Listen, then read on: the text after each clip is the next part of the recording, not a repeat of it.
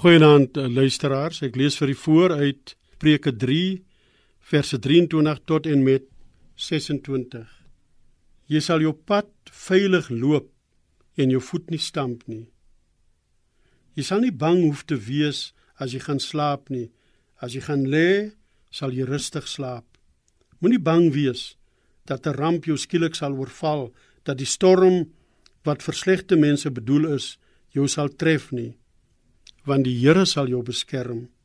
Hy sal sorg dat jy nie in 'n struik beland nie. Miskien onthou jy nog hoe bang jy soms was as kind om te gaan slaap omdat daar spookstories vertel is of omdat iemand jou in die donker gang skrik gemaak het. Ook nou dat ons groot is, is daar steeds dinge wat ons bang maak, wat ons verontrus wat ons uitermate senuweeagtig maak.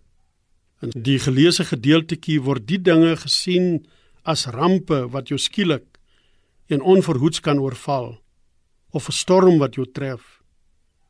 Dalk het jy vandag nog iets gesien of ervaar wat jou 'n bietjie die skrik op die lyf jaag.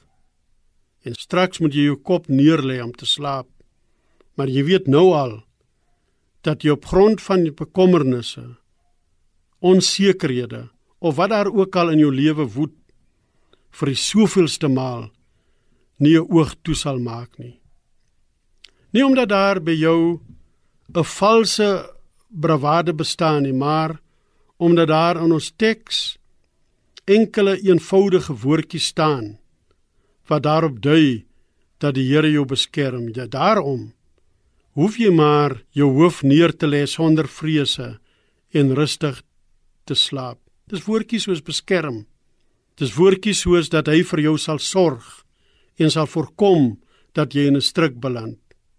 Plaas daarom maar jou kop met vertroue op die kussing en rus lekker in die wete dat jou lewe in God se hand geborge is. Amen. Here God, daar is inderdaad baie dinge in die lewe wat ons skrik maak. Daar is dinge wat ons senuweeagtig stem. Maar dankie vir die woord, die woord wat vir ons sekerheid gee.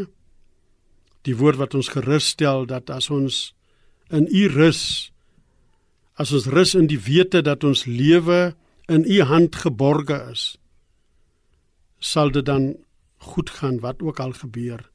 En as ons dan later ons hoofde neerlê om te slaap, om te rus, hou tog oor ons die wag.